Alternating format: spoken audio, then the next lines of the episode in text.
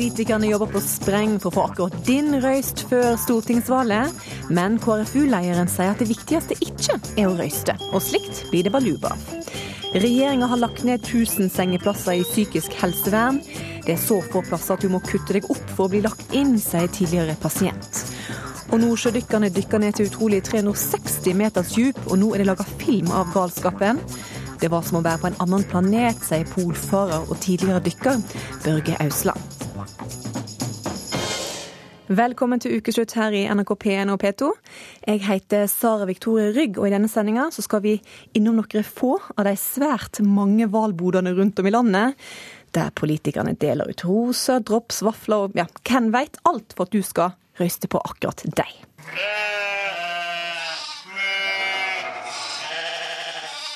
Sauer er ålreite dyr. Det er 30 år siden Liv Finstad brukte argumentet 'sauer er ålreite dyr' da hun skulle forsvare landbrukspolitikken til RV. Den setninga har mange sagt i etterkant, og det må vel være alle politikere sin store drøm nå i valgkampen. Sier noe så fengende at det blir huska 30 år fram i tid. Nå er det 23 dager til valget, og politikerne de er travelt opptatt med å si det rette, smile kamera og ikke minst sanke røysta landet rundt. For nå begynner det å haste, og din stemme betyr mye. I Ålesund sentrum har Frp rigga seg til på sin valbod. Reporter Leif Erik Bondevik, klarer Siv Jensen å overtale velgerne? Ja, Det får vi nå vente med å høre. da. Hun eh, går på talerstolen her på Kippevitorget i Ålesund eh, kvart over eh, ett. Men nå begynner arrangementet om noen få minutter her. Her har kommet en god del folk på torget. Ja, faktisk flere hundre, må jeg si. Og det er liv, og det er forventning, tror jeg for eh, her må det jobbes intenst. For eh, Frp eh, kommer med en måling i dag, her i fylket i hvert fall, hvor de faktisk mista to av de tre mandatene sine på tinget. Meget alvorlig. Halvert oppslutning i forhold til for fire år siden. Så her må det jobbes. Så skal vi høre hvordan de jobber litt her. da. Blant annet så deler de jo ut vafler her. og Nå har vi vaffelsteikeren her, som står her. Må komme litt nærmere her nå. Hvor, hvordan går det med vaffelutdelinga? Du, Det går veldig godt unna. Folk er positive og får seg gode Frp-vafler. Frp-vafler. Ser med logoen i vaffelen der også, ja. Ja, spesial. Har du nok røre for hele timen her? Du, Jeg tror vi har 40 kg med røre, så jeg tror vi skal holde ut helt ut på ettermiddagen. Ja. Nå hører vi litt flere her. Hvordan er forventningene til dette ditt arrangementet? Hvordan eh, venter du du skal få høre av Siv Jensen? Er det noen som forventer noe av Siv Jensen her nå? Si for at dere skal klare å ta igjen det som dere nå taper på dagens meningsmåling? Nei, Hun må ha en kanongod appell så jeg appellerer til folket. Og det er jeg overbevist om at hun greier å få til. Ja. Himmelen holder på å bli blå over oss. Det er vel kanskje et tegn Oskar Grimstad, på at uh, dette kan gå veien likevel?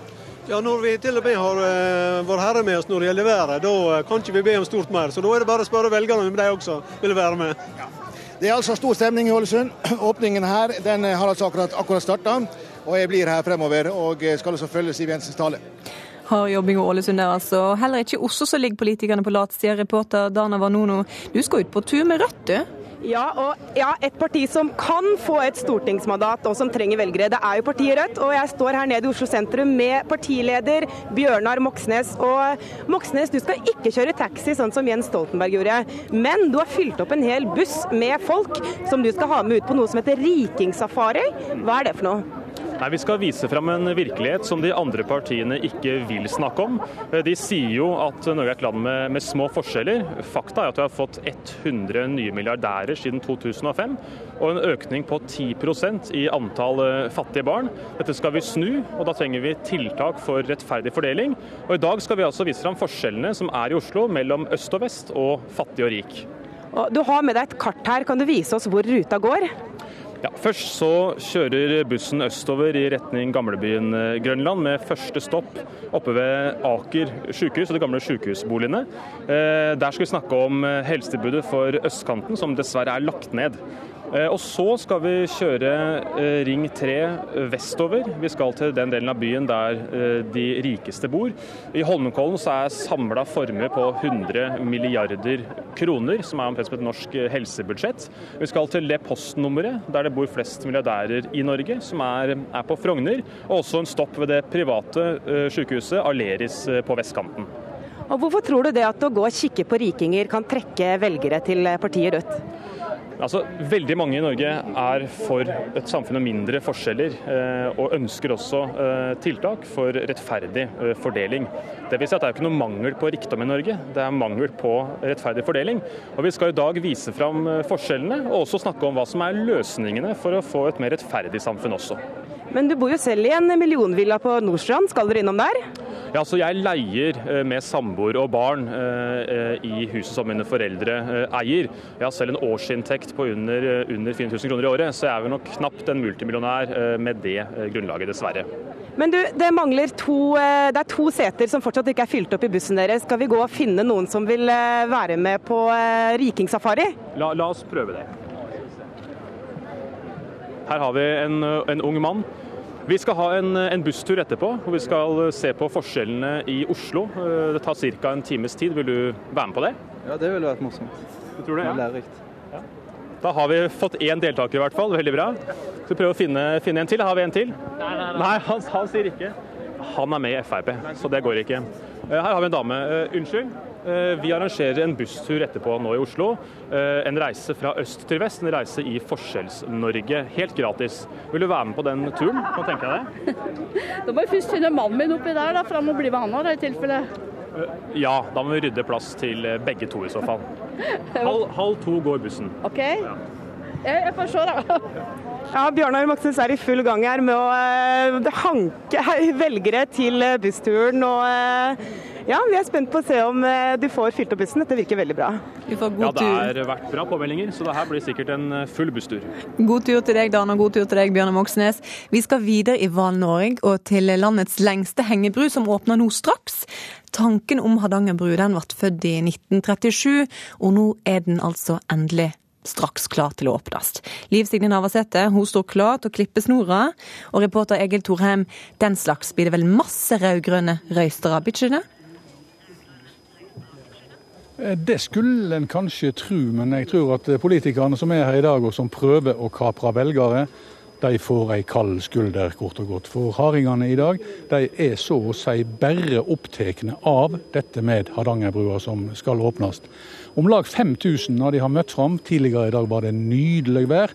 Nå har det kommet noen få dråper. Men som han sa en, når brura gifter seg og får noen dråper i sløret, så betyr det lykke. For regnet det har stoppa igjen, og sola er i ferd med å bryte igjennom. Men her er samla masse politikere. Hele transportkomiteen er invitert. Her er to ministre på plass, masse ordførere, fylkesordførere.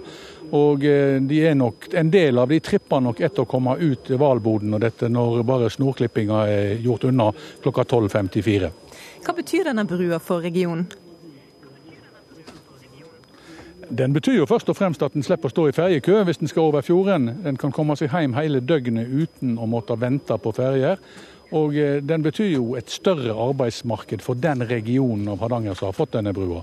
Eh, mange vil jo si at den også er like viktig for Voss som den er for Hardanger. Det betyr at eh, Hardanger og Voss kommer nærere hverandre. Og fylkesmann, tidligere statsråd Lars Bonheim, han har jo sagt at han ønsker en Voss, han ønsker en Vossaby med 40 000 innbyggere, hvorav inkorporert en stor del av Hardanger. Da får Liv Signe Navarsete bare forte seg å klippe snora og komme seg ut og, og få oppmerksomheten til velgerne, så hun får sanka noen rød-grønne røyster. Lykke til med åpninga, reporter Egil Thorheim.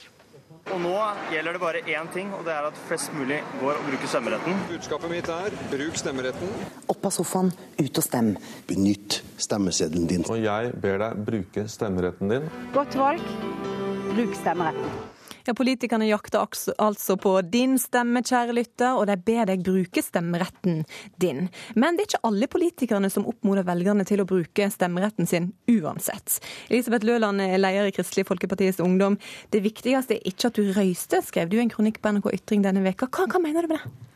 Nei, Jeg har sagt det før, jeg også. I debatter, på slutten av debatter. Husk å bruke stemmeretten din, det er det viktigste. Men det trekker jeg tilbake. Jeg angrer på at jeg sa det, og jeg kommer ikke til å si det igjen. Og Det er to grunner til det. For det første så mener jeg det ikke. Det viktigste er faktisk hva man stemmer. Det er stor forskjell på partiene. Det er helt avgjørende hvem som eh, vinner. Og da er det viktigste det er hva du stemmer. For det andre, eh, og kanskje det viktigste, så tror jeg egentlig ikke at det virker. Altså Når masse politikere, som vi, som vi hørte nå også, kommer med en sånn unison moralpreken om å bruke stemmeretten, eh, spesielt mot unge, gjør man ofte det så kan jo det fort oppfattes som at det er litt mindre viktig hva man stemmer. Og hvis det er litt mindre viktig hva man stemmer, hvorfor skal man stemme da? Så fort så har man kommunisert det motsatte av det man egentlig mente å si. Det er jo ekstremt mange som tenker de her politikerne sier det samme, jeg vet egentlig ikke hva parti som står for hva. Skal de bare holde seg hjemme og ikke stemme det, da? Nei, eh, hvis man ønsker å stemme, så skal man selvfølgelig ha muligheten til det. Det er jo stemmeretten. Og det er ingen som er mot stemmerett her, men jeg er imot stemmeplikt. Både en formell stemmeplikt og en sånn moralsk stemmeplikt som jeg opplever at veldig mange formidler. Og da er det jo mulighet til å finne ut hva partiene mener. Sende mail til partiene, spørre hva de mener om den saken som er viktigst for en selv. Se på debattene, høre hva de sier, og så gjøre seg opp en mening. Og hvis man har en mening om hvem man ønsker at skal styre landet, så må man selvfølgelig stemme på det partiet. Mm. Ordfører Fabian Stang, som Høyre-politiker så oppmoder du vel helst folk til å stemme på Høyre? Vært inne på tanken. Men som leder for valgstyret i Oslo så oppmoder du folk om å bruke røysteretten generelt. Hvorfor er det viktig? Vi eh, lever jo i en tid hvor vi ser militær militærdiktatur og ufrihet i veldig mange land. Og, det er klart at det å snakke om demokratiet og den eh, fantastiske situasjonen vi er i, er veldig viktig. Og der er det å stemme av stor betydning. Det er klart Hvis vi fikk en valgdeltakelse ned på 50% så ville jo det være, være veldig trist. Og så er jeg enig i at det skal ikke være noen stemmeplikt. men men hvis man mener at ungdommen ikke vet hva de skal stemme altså Jeg har stor tillit til ungdommen. Jeg, jeg, tror at, jeg kjenner i hvert fall ingen på 18 år som ikke skjønner forskjell på rødt og blått. Så um, jeg er veldig glad for at ungdommen også stemmer. Og hvis de ikke gjør det, så blir det jo vi gamle som, som driver butikken. Og det, det vil jo være helt feil. Det er de unge som skal leve fremover i det samfunnet vi nå skaper.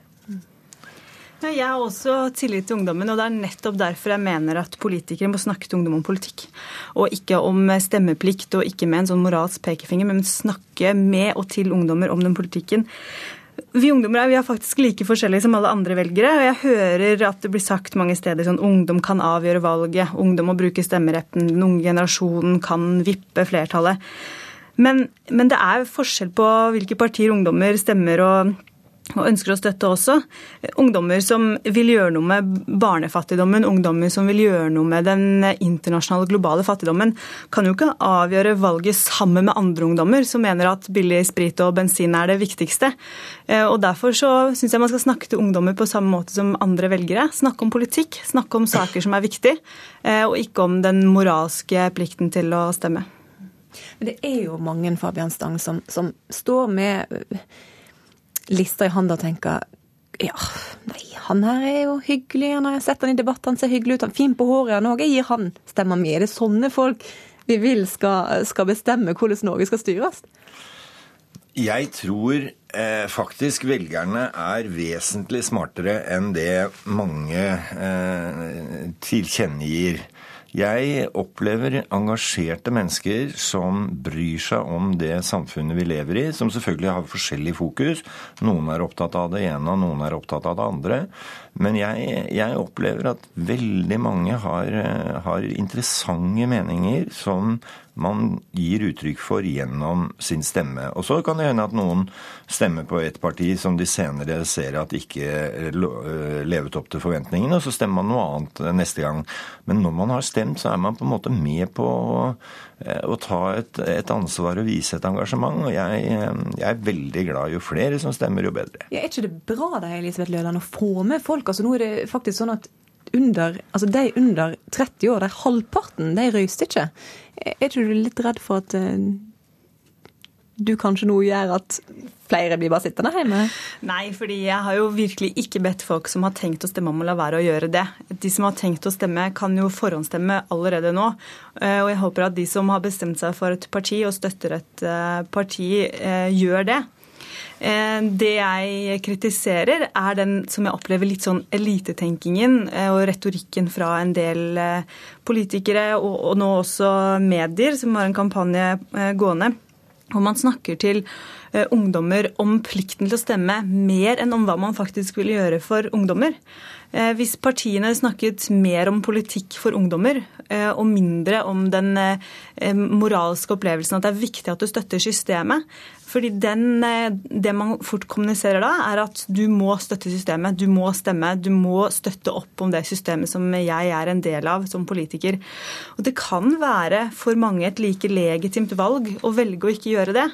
Så er det klart at når vi ser til, eh, ser til, utlandet og ser til andre land, så er det helt riktig som Sang sier, at det er mange som har kjempet for stemmeretten sin. Jeg har venner jeg, som sitter i fengsel fordi de har kjempa for, eh, for, stemmeretten sin. Men jeg mener ikke at man kan ta, dra en sånn direkte parallell. I, I noen land så går det like mye på retten til å ikke bruke stemmeretten sin. Men nå er jeg faktisk dypt uenig med deg, for nå sier du at man skal oppfordre til å stemme til fordel for systemet, til fordel for politikerne. Altså, Stemmeretten er jo et uttrykk for at det ikke er et system man støtter. Man støtter seg selv og sine egne meninger.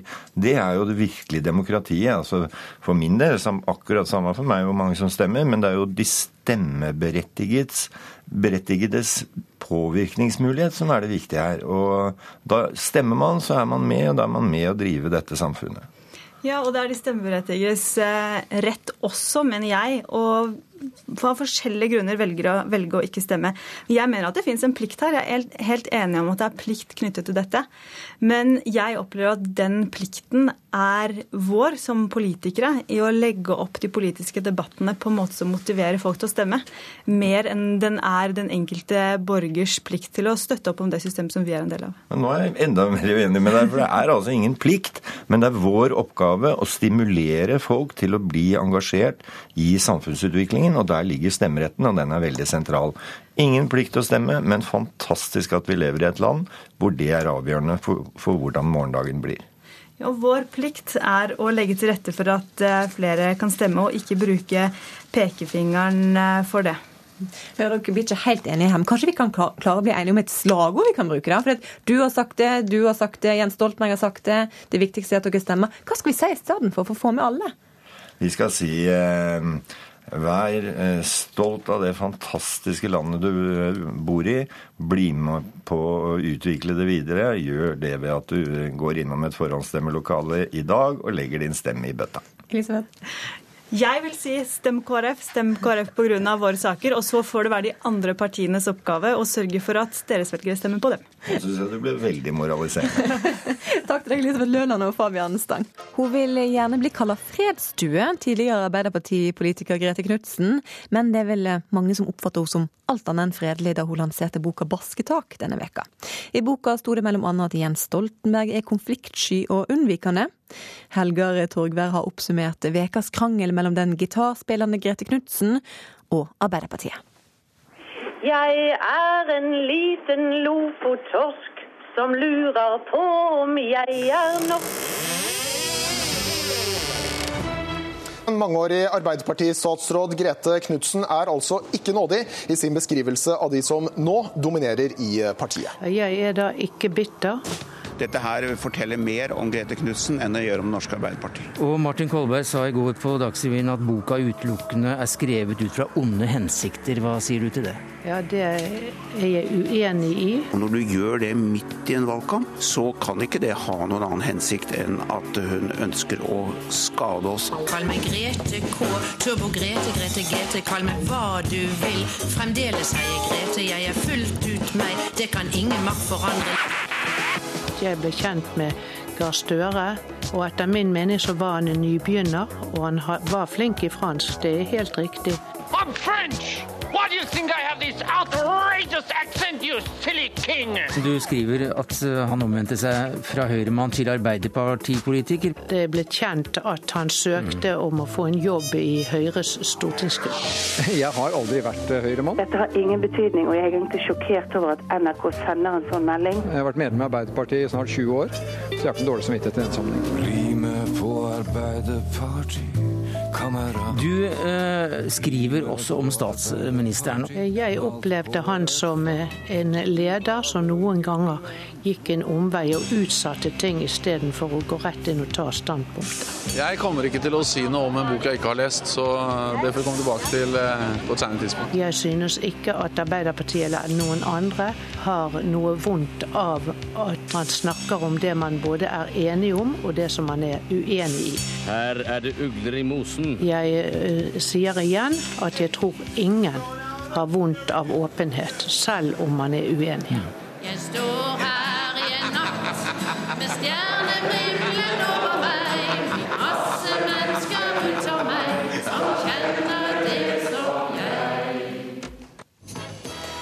Og du hører altså på NRK Ukeslutt i P1 og P2. Hold fram med det å høre at nordsjødykkerne håper spaningsfilmen 'Pioner' kan gjøre sitt til at saka deres aldri blir glemt. Og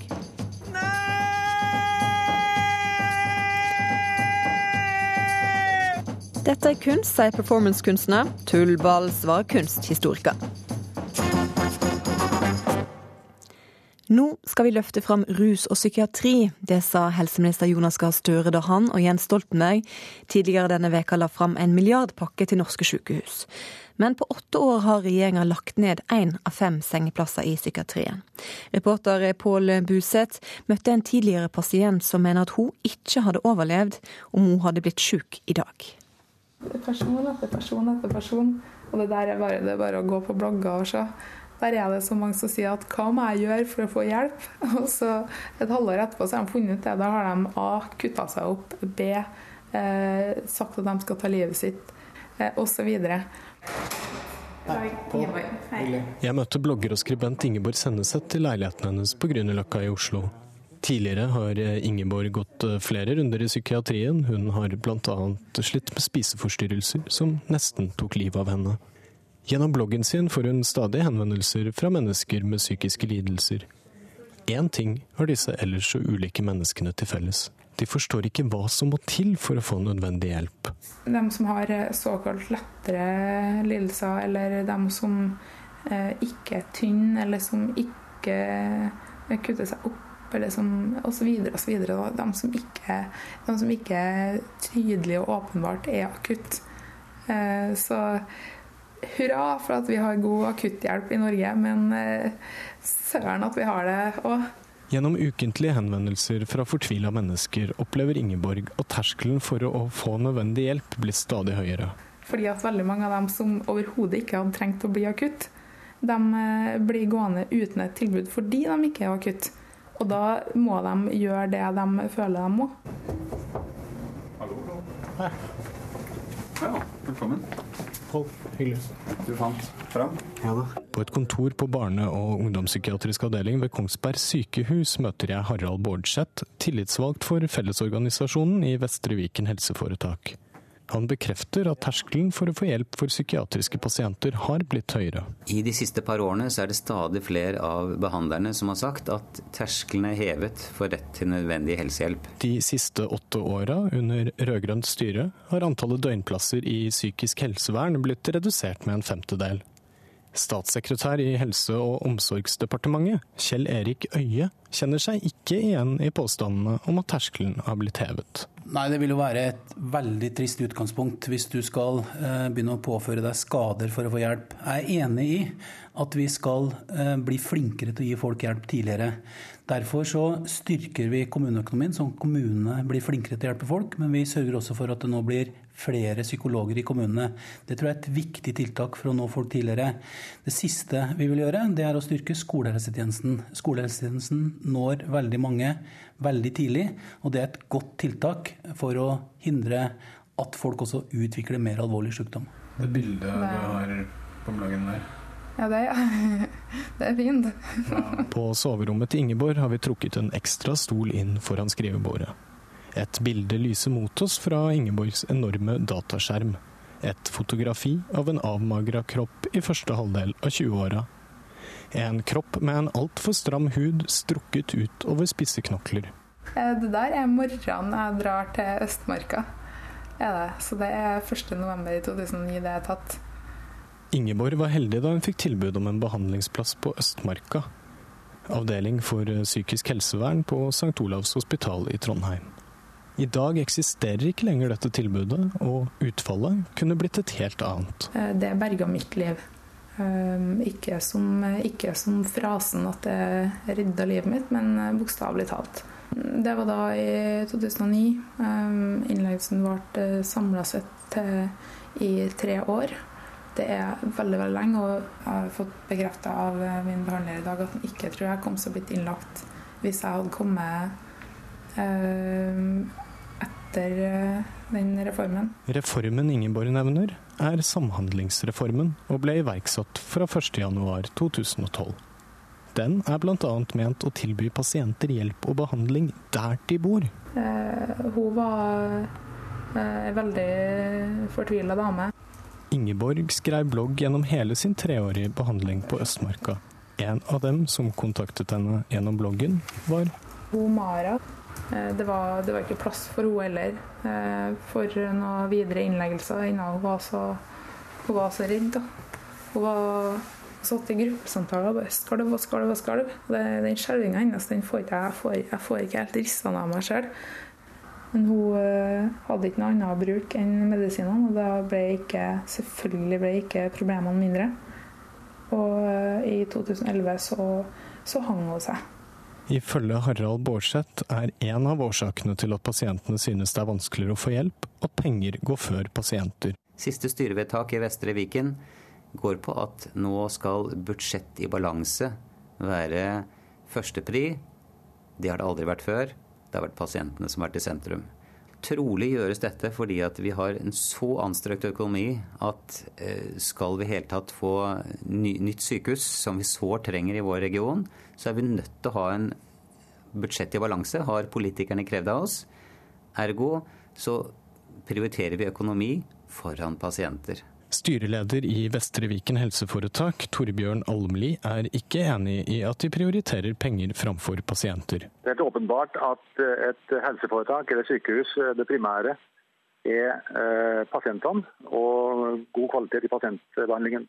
Eh, økonomien er viktig, og det er også åpenbart at et helseforetak må holde seg innenfor de økonomiske rammer som stilles til disposisjon. Men, men eh, det er pasientene, eh, pasientkvaliteten, som er det primære. Tilbake foran dataskjermen til Ingeborg ser vi på bildet av den avmagra jenta i begynnelsen av 20-åra. Hun er knapt å kjenne igjen i den blide 28-åringen på stolen ved siden av meg. Men nå, tre år senere, nei, fire år senere, hva tenker du når du ser det? Når jeg ser det bildet, Ja. da tenker jeg stakkars, du aner ikke hva du skal for noe. God tur. Vi skal til glamour- og filmfestival i Haugesund. Under mandagsshowet i går så gliste stjernene på den røde løperen. De var iført kjoler til 90 000 kroner. De skrev, autografer, og pressefotografene de knipsa om kapp. I dag så er det kanskje litt mer slitne stjerner, i joggebukser med rufsehår som går rundt i Haugesund. Reporter Kristine Amdam, hvordan har stjernene dagen derpå? Du, nå står jeg her rett ved siden av den røde løperen og det store hvite teltet som er utenfor Rika Maritim hotell, hvor festen fant sted i går. Det er som du sier en litt annen stemning. Den røde løperen har blitt veldig mørkerød, for den er kliss våt av alt regnet som eh, var her i går. Og ja, stemningen er ikke like glamorøs i dag, kan du si. Filmen Kon-Tiki gjorde det jo bra på Amanda-showet i går. Eh, Hva andre filmer eh, fikk tommelen opp? Ja, eh, Kon-Tiki fikk fire priser og var nominert eh, til åtte. Men den filmen som kanskje ser på som den store stakk av med fire priser. Og regissør fikk eh, prisen for beste regi og var utrolig takknemlig og veldig overrasket. Og han uttalte at han mente det var den beste filmen som vant, og ikke den største. Eh, vi hører deg litt grann dårlig, Kristine, så vi skal Ja. gå videre til, til eh, en stor snakkes på filmfestivalen denne veka. Det var jo eh, spenningsfilmen eh, om nordsjødykkerne 'Pioner'. Den åpner hele filmfestivalen. Vi skal høre et klipp fra filmen.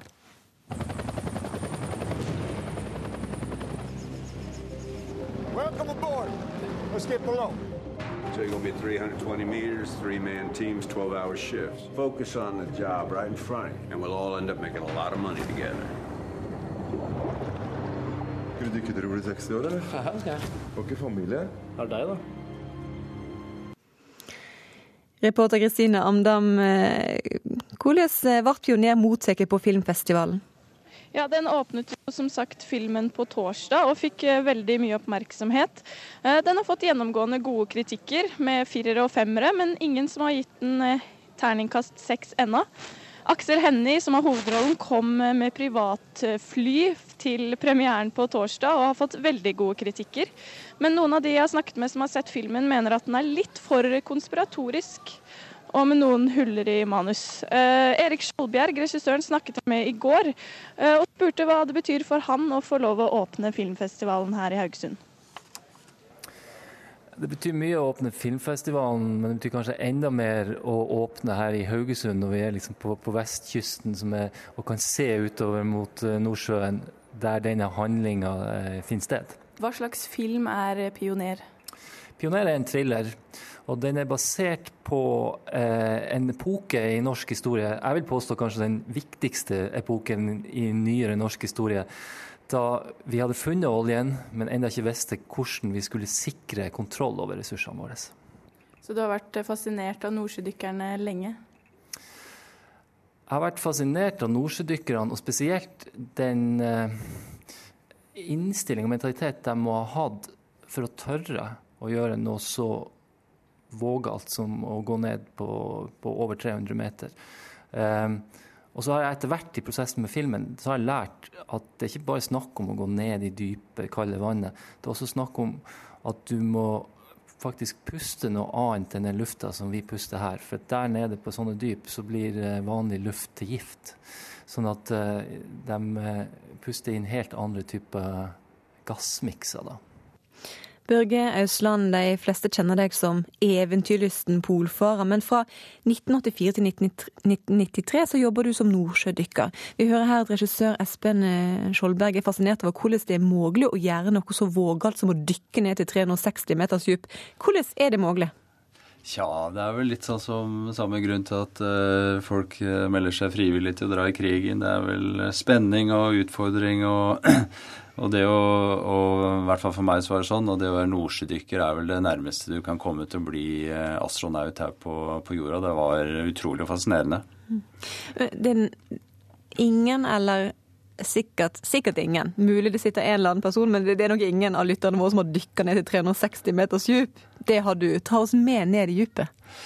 Ja, det er jo helt annen type dykking enn den vanlige som svømmeføtter og to flasker på ryggen. Her brukes dykkerklokker. Vi eh, bor inne i trykkammer opptil fire uker i, eh, i, strekk, og denne klokka den brukes som en heis eh, ned i, i, dypet. Og når vi da kommer ned på den dybden vi skal jobbe på, så åpner vi en stor, tung ståldør i bunnen av klokka og sklir ut i dette mørke klare vannet. Og typisk sånn dyp, dybde i Nordsjøen er jo fra 100 til 150 meter. Og der eh, er det akkurat som å være altså ute i verdensrommet. Du er i enden av en liten slange, og når du ser opp på den der lille dykkerklokka som henger eh, over Det der med lyskasterne som lyser rundt, det er helt surrealistisk. altså. Og jeg, ofte når jeg var ute på jobb, så tenkte jeg at opp gjennom det lille, trange hullet der, det eneste veien hjem. Er, er, redd? er man redd, da? Ja, altså Jeg var jo alltid litt så bekymret uh, uh, når jeg holdt på med dette her, spesielt før jeg skulle i metning. Men på jobben, da var jeg veldig fokusert. Uh, jeg var fokusert på det jeg skal gjøre, og jeg var også fokusert på min egen sikkerhet, for det var jo Eh, mye ulykker i Nordsjøen og rett og slett ting som kunne gå gærent. Og du er jo omgitt av vann, faktisk, og puster du for mye av det, så drukner du jo. Så, så det var jo alltid en viss risiko med at ting kunne gå gærent. Og, og jeg har hatt kolleger som har omkommet der ute, så, så eh, men samtidig så var det høyt nivå på sikkerheten, og, og du er på vakt hele tiden. Det er du. Mange av dine kollegaer har eh, vært skada under dykkinga, og flere har hatt, fått store seinskader. Hvordan har livet vært for deg etter jobben som, som nordsjødykker? Ja, jeg sluttet jo i 93 og har jo vært så heldig at jeg har klart å eh, få en annen karriere. Og det tror jeg på mange måter har gjort veldig mye for meg. Jeg har kunnet fokusert på noe annet. Jeg har også vært veldig fysisk aktivt og trent mye. Det tror jeg også har, eh, har hjulpet. Og det som er spesielt med den, de skadene som nordsjødykkerne har fått, er at det er veldig sånn udefinerbare skader. Det er ikke en sånn knagg du kan henge det på. Du kan ikke si at eh, det er den og den diagnosen. Det er utbrenthet, det er problemer med, med, med psyken og, og, det at man ikke fungerer i, i hverdagen lenger. Og, og når man ikke har en diagnose på det, så får man heller ikke gjennomslag i uh, det store systemet som skal uh, passe på oss mm. når ting går gærent. Mm. Henning Haug, du er leder for eh, Offshoredykkerunionen. Det er ikke alle som har klart seg like bra som, som Børge Ausland. Flere nordsjødykkere har tatt livet av seg, og flere sliter psykisk. Når begynte dere å skjønne at denne jobben var ordentlig farlig? Eh, vi visste jo det hele tida. Vi er jo tross alt i, i et fremmed element og puster eh, fremmede, uvante gasser. Eh, så vi var nok klar over faren hele tida. Men eh, det vi visste lite om, det var langtidsvirkninger og, og sånne ting. Nå begynte du å se at kollegaene dine ble eh, nervøse eller, eller, begynte å slite med nervene? Du så det etter ei tid. Et typisk eksempel når du kunne merke på partneren din at at den begynte å få nerver, det var i det øyeblikket han skulle forlate klokka og liksom ut i det totale mørket. Og liksom siste rest av sivilisasjonen, da var det mange som dobbeltkontrollerte og ble tregere og tregere før de kom seg ut av klokka. Mm. Så dette var et typisk tegn på at det nå nærmer seg nok eh, slutten på karrieren. Mm.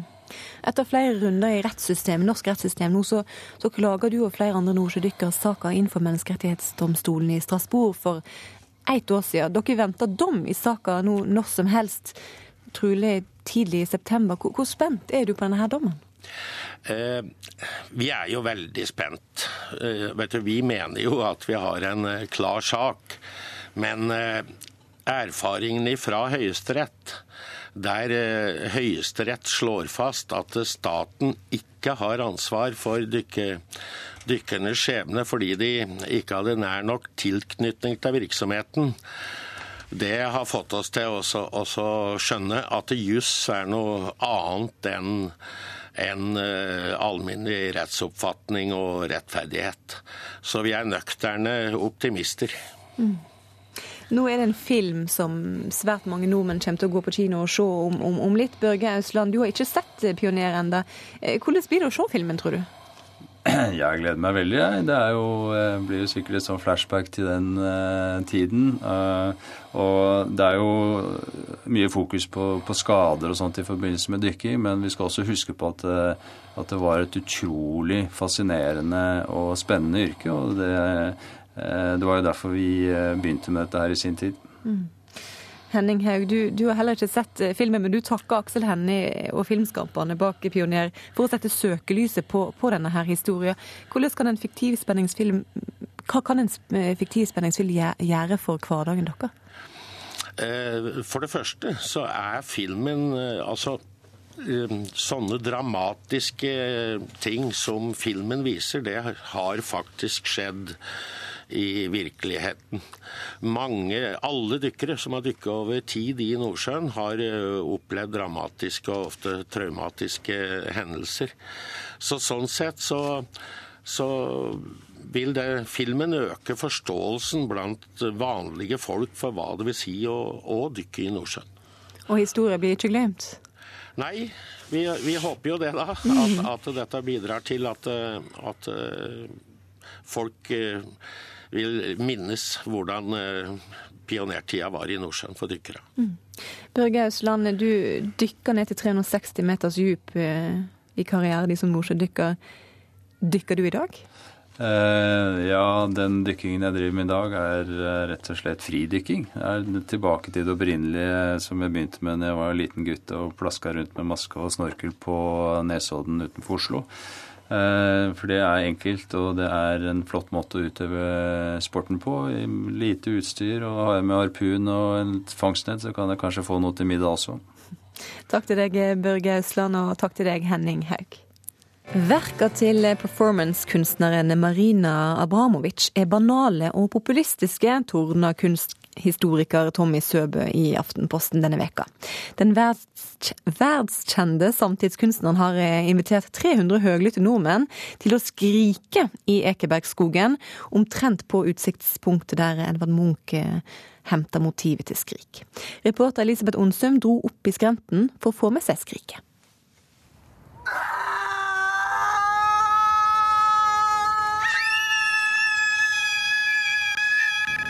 Uvitende mosjonister kan mistenke at det skjer forferdelige ting i Ekebergskogen i disse dager.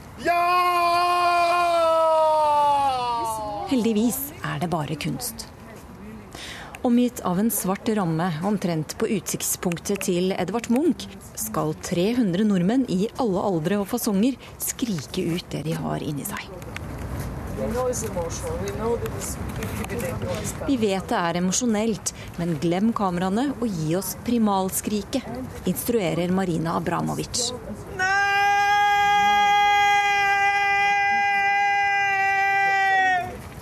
I performanceverden har 66-åringen popstjernestatus. Dette er f.eks. stemmen til Lady Gaga, som opptrer splitter naken i et av prosjektene hennes. Fiskebånd lengter etter havet, havet det er fiskebåndens hjem. Er Performancekunst à la er kunsthistoriker Tommy Sørbø. Kanskje det ble litt for mye sang, kanskje jeg skulle bare se Fiskebånd lengter etter havet, havet det er fiskebåndens hjem. Dette er det første verset, nå er det bare Nei, det ble for ironisk, altså. Det er, det er ikke så lett å være performancekunstner, altså. Han er ikke imponert over kunsten til Abramovic. Jeg syns det er banalt. Det er uh, intetsigende. Det hører med til historien at han ikke har stort til overs for performance. Jeg husker på lederutvikling for 10-15 år siden, så skulle jo alle ligge på gulvet og være en liten ert, og så skulle man hyle og bælje litt og ta ut dyr i seg, og så skulle man primalskrike litt og kjenne på vibrasjoner og energier, litt sånn i Märtha Louise-stil. Så noe utover sånn alminnelig terapeutisk eh, halloi, eh, eller bare som en sånn morsom eh, vorspiel-gimmick, noe utover det kan ikke jeg se at det blir. Sånn. Nå forbereder han sitt eget lille kunstprosjekt. Her. Hun var jo så vennlig å gjøre oss oppmerksom på at eh, noe helt sensasjonelt, syns jeg, nemlig at kunst skal jo provosere. Eh, og da tenkte jeg det at ja, kanskje jeg skal provosere, så jeg hadde veldig lyst til å reise til New York. Og så tenkte jeg da å stille meg opp et eller annet sted der, på et offentlig sted i New York, og så rope ut, det kan være mitt skrik da, det er følgende. Eh, Marina Abramovic kunst er så banal intetsigende og populistisk at den får Marianne Aulis rumpe og klovner til å fremstå som intellektuelle konfektbiter. Altså det å si at Marina Abramovic ikke er en kunstner, det blir omtrent som å si at Kristelig Folkeparti ikke er et parti. Hevdet Morgenbladets kritiker Tommy Olsson i Dagsnytt 18. Marina Abramovic er per i dag den eh, postergirl eh, slash superstjerne hun er innenfor denne eh, genren. Eh, En kvintessensiell performancekunstner, Mm. sånn som vi tenker på det. Hun er naken, hun gjør seg selv vondt, hun eh, fryser i hjel, hun går veldig langt, hun repeterer ting i det uendelige. Olsson ble faktisk invitert av Abramovic til å bidra med et skrik, men takket nei. Jeg har gjentatte ganger blitt invitert til å skrike i skogen, ja. Ja, hvorfor takker du nei? Fordi jeg syns altså at det, det er litt kjipt. Jeg, jeg syns det har for mye av jippo over seg, og, og på mange måter så syns jeg det er en litt uverdig parentese i et kunstnerskap som, eh, som jeg er veldig glad i. Og, en kunstner som jeg eh, respekterer veldig mye. Og så, og så kommer, altså, men, altså, alle har en dårlig dag, men det, jeg, vil, jeg vil si at det her er en dårlig dag for Marina Abramovic. I Ekebergskogen er folk fornøyd med kunstbidraget sitt. Det gikk bedre enn forventa. Jeg var skrekkslagen da jeg kom, men det gikk, det gikk bedre. Jeg trodde jeg skulle falle sammen og dø, på en måte. Men det gjorde jeg heldigvis ikke. Fikk du noe ut av det? Ja, Um, det er veldig sjelden man får lov å stå og skrike sånn av full makt. Det kan jeg ikke huske sist jeg har gjort. Det ser veldig, veldig enkelt ut når man ser det på film eller reklame, men man eh, kjenner at det tar tak i ting inni deg, da. For at du skal få klare å skrike. Og da er det bare å skrike ut værvarselet, statsmeteorolog eh, Øyvind Johnsen. Ja, takk. Skal prøve å gjøre det på en litt mer dannet måte, kanskje. Ja, vi har et varsel som gjelder fram da til eh, søndag klokken 24. Først temperatur. Det ventes at på Øst- og Sørlandet så blir det uendret eller litt lavere temperatur i morgen. I resten av landet uendret eller faktisk litt stigende.